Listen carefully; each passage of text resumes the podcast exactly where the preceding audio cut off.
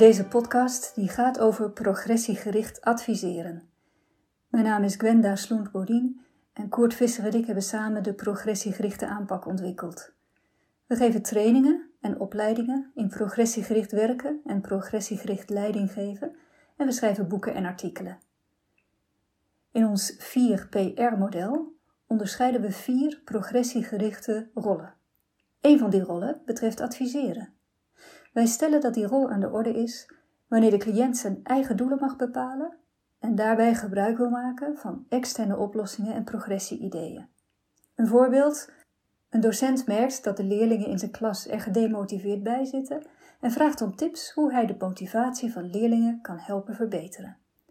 De progressiegerichte professional geeft hem die tips, legt iets uit over de kwaliteit van motivatie en over motiverende docentstijlen. De docent brengt nu zijn eigen doel naar voren, intern doel, en de progressiegerichte professional reikt ideeën aan en geeft advies, externe oplossingen. Ideeën die uit de persoon zelf komen hebben de voorkeur, zo wordt vaak gedacht. De persoon is dan immers eigenaar van die ideeën, omdat ze uit zijn eigen ervaringen komen. Hij voelt zich competent om ze te gaan uitvoeren. En ideeën van buitenaf, die moeten door allerlei beoordelingsfilters heen. De persoon moet gaan beoordelen of hij het advies ziet zitten, of hij er iets mee kan. Maar dat interne oplossingen vaak de voorkeur hebben boven externe oplossingen, betekent niet dat elke situatie vraagt om interne oplossingen. Er zijn wel degelijk situaties waarin advies en het aanreiken van externe oplossingen de voorkeur heeft boven het op zoek gaan naar interne oplossingen. Een criterium voor het kiezen van de adviesrol is of je mandaat hebt van je gesprekspartner om externe oplossingen te bieden. Je gesprekspartner kan expliciet om tips vragen en dan is het duidelijk dat je mandaat hebt om ze te geven. Maar daarnaast heeft de professional soms mandaat zonder dat dit expliciet wordt geuit door de cliënt. Onderzoek van Cassirer et al. laat zien dat adviseurs en artsen vaak onderschatten dat zij dit mandaat op voorhand al hebben, wanneer ze worden gezien als experts op het terrein ten aanzien waarvan de patiënt of de cliënt zelf geen expertise heeft. En in dergelijke situaties is zelfs ongevraagd advies welkom. Een tweede criterium voor het kiezen van de adviesrol is de moeilijkheidsgraad van de beslissing in de perceptie van je gesprekspartner. Wanneer een beslissing emotioneel en intellectueel moeilijk is, geven veel mensen er de voorkeur aan om een duidelijk advies van een expert te krijgen. Een derde criterium om te kiezen voor de adviesrol is of je daadwerkelijk expertise hebt om een onderbouwd advies te kunnen geven. Hier past waarschijnlijk vaker bescheidenheid dan mensen zich realiseren. Velen van ons overschatten de kennis die we ergens van hebben. En we denken al snel dat wanneer we kennis hebben van het ene onderwerp, dat we dan ook kennis hebben van een nauw daaraan gerelateerd onderwerp. En vaak zelfs van totaal andere onderwerpen dan ons vakgebied. In deze soorten situaties kan het geven van advies waardevol en gewenst zijn. Maar er gaan regelmatig dingen mis tussen adviesgever en advieszoeker. Wanneer een advieszoeker advies vraagt van een adviesgever, dan kan de adviesgever denken: op basis van mijn kennis en ervaring vertel ik de ander wat die volgens mij het beste kan doen. Maar vaak is het perspectief van de advieszoeker: ik zoek deskundige informatie, zodat ik zicht krijg op de verschillende opties en zodat ik zelf een goede keuze kan maken. Adviesgevers kunnen dan ook verrast zijn als de advieszoeker hun advies negeert. Terwijl advieszoekers vaak denken: het gegeven advies sluit niet aan op mijn situatie en het advies is te dwingend. In de praktijk komt dan ook een aantal niet-effectieve manieren van adviseren voor. De eerste is dat de adviseur zijn advies op een voorschrijvende manier brengt. Hij sluit dan niet aan op de beleving van de adviesvrager en dwingt de ander als het ware om het advies op te volgen. De tweede niet effectieve manier van adviseren is dat de adviseur niet relevante keuzes aanreikt. Er zijn dan wel keuzes, maar die sluiten niet aan op wat de adviesvrager echt belangrijk vindt en op wat hij zelf wil bereiken. Stel je bijvoorbeeld de situatie voor van George. Hij is leidinggevende van een ondersteunende afdeling in een ziekenhuis. Hij vraagt advies aan Chantal, een HR-adviseur. George vindt dat de dienstverlening van zijn team aan de artsen beter zou moeten worden. Maar hij merkt dat er in het team vooral geklaagd wordt over de artsen. Hij vraagt aan Chantal Heb je even een paar minuten om me advies te geven over hoe ik dit team in beweging kan krijgen? Stel nu dat Chantal voorschrijvend gaat adviseren. Ze zou dan bijvoorbeeld zeggen: De enige manier om dat soort teams aan de praat te krijgen is door ze even goed te laten merken wie er de baas is. En dat ben jij. Dus geef ze een schop onder de kont, niks dat geklaag, gewoon aanpakken. Je moet ze gewoon een e-mail sturen waarin je ze goed de waarheid zegt. Ik zal die wel even voor je opstellen en aan je doorsturen. Geloof me nou maar, dit is het enige dat werkt. Deze voorschrijvende manier van adviseren werkt averechts. George kijkt de volgende keer wel uit voordat hij Chantal nog eens om advies vraagt. Zij sluit totaal niet aan op wat hij belangrijk vindt en praat op hem in om iets te gaan doen dat hij niet ziet zitten. De tweede niet-effectieve manier is wanneer Chantal niet relevante keuzemogelijkheden aanreikt.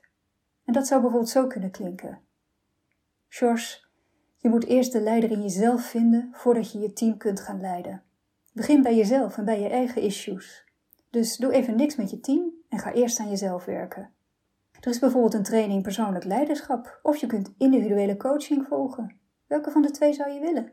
Deze manier van adviseren werkt net zo min als de voorschrijvende manier. Chantal sluit niet aan bij wat George belangrijk vindt en wat hij wil bereiken. En dus biedt ze keuzes die hem niet verder helpen. Hij sputte dan ook: Ik wil best naar mezelf kijken, maar het is urgent dat de dienstverlening van mijn team gaat verbeteren. En zeg je nou dat ik dat maar moet laten voor wat het is? Een wel effectieve manier van adviseren is progressiegericht adviseren. Progressiegericht adviseren kenmerkt zich doordat de adviseur deskundige informatie biedt waarbij de ander zicht krijgt op de verschillende opties, zodat die ander zelf goede keuzes kan maken. En dat gegeven advies sluit aan bij de situatie zoals de adviesvrager die ervaart. En verder worden progressiegerichte basisinterventies gebruikt, zoals de nuttigheidsvraag, eerst aansluiten dan doorschakelen, de gewenste situatievraag, normaliseren, mandaatvragen en dat soort dingen. In de situatie met Georges en Chantal klinkt progressiegericht adviseren zo. Natuurlijk denk ik even met je mee. Wat zou je willen bespreken zodat dit gesprekje nuttig voor je is? Aan de hand van deze nuttigheidsvraag kan Georges toelichten waar hij tegenaan loopt. Chantal vat dan samen wat hij wil bereiken op een tentatieve manier. Begrijp ik het goed dat je graag een manier wilt vinden waarop je het team kunt activeren om de dienstverlening aan de artsen te verbeteren? En dat je in dit gesprekje graag wat adviezen zou willen over hoe je dat zou kunnen aanpakken?